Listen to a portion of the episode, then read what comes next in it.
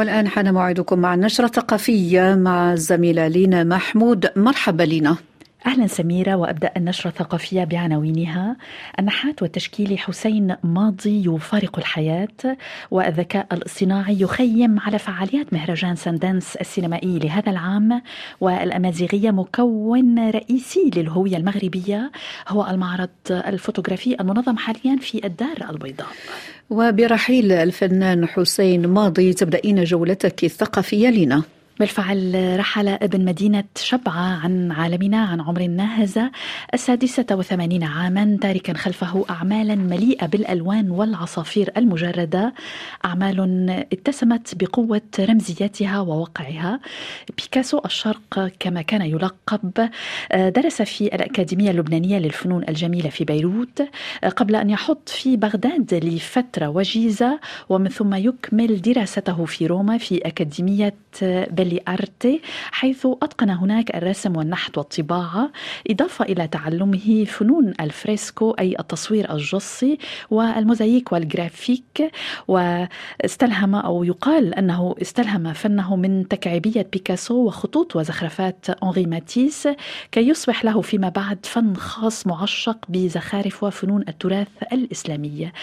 كما عرف أيضا حسين ماضي بخطوطه الأنثوية المنحنية وبأيقونات معلوماته النسوية آه، نظم أكثر من ستين معرضا فنيا خلال مساره آه، بالإضافة إلى مشاركات عديدة في إيطاليا فرنسا بريطانيا اليابان وأمريكا كما آه، تعرض مجموعة من لوحاته وأعماله حتى الآن في متاحف ومؤسسات عالمية منها المتحف البريطاني في لندن والمتحف الأردني للفنون الجميلة ومتحف صرصق في بيروت.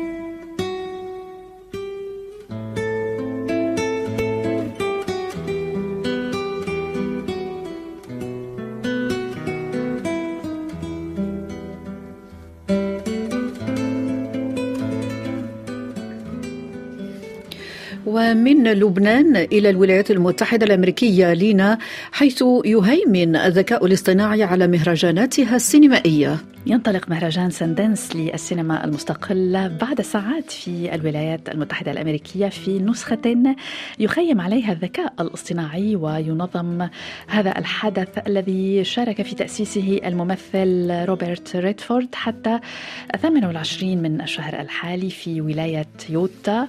ومن بين 90 عملا اختير ضمن برنامج المهرجان يحتل موضوع التبدلات الحاصلة في العالم بفعل الذكاء الاصطناعي مكانا خاصا وذلك بعد أشهر قليلة من الإضرابات التي شلت هوليود والتي شكل انتشار هذه التكنولوجيا محركا رئيسيا فيها إذ خشي ويخشى حتى الآن الممثلون وكتاب السيناريو أن تحل الروبوتات مكانهم. ومن الأفلام المشاركة فيلم Love Machina لبيتر سيلين و Eternal You و Love Me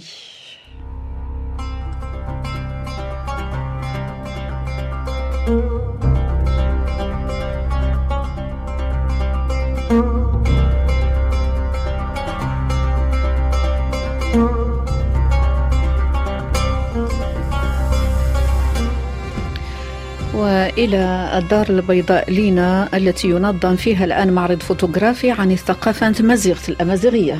ينظم في فضاء تراث المدينة البيضاء معرض الأمازيغية مكون رئيسي للهوية المغربية وذلك حتى نهاية الشهر الحالي ويندرج هذا المعرض المنظم بمبادرة من المديرية الجهوية لوزارة الشباب والثقافة والتواصل ضمن إطار احتفالات المغرب بالسنة الأمازيغية الجديدة.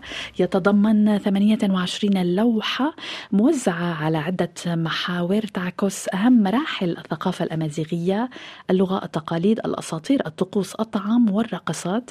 هناك رقصة الأحواش وهناك معارك شعرية وأيضا التزيين بالمناديل والأزياء المزركشة.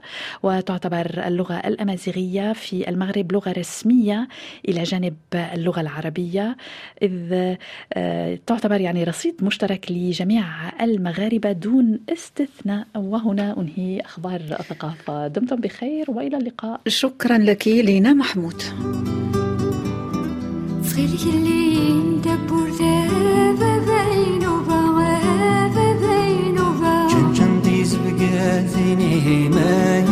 غريبة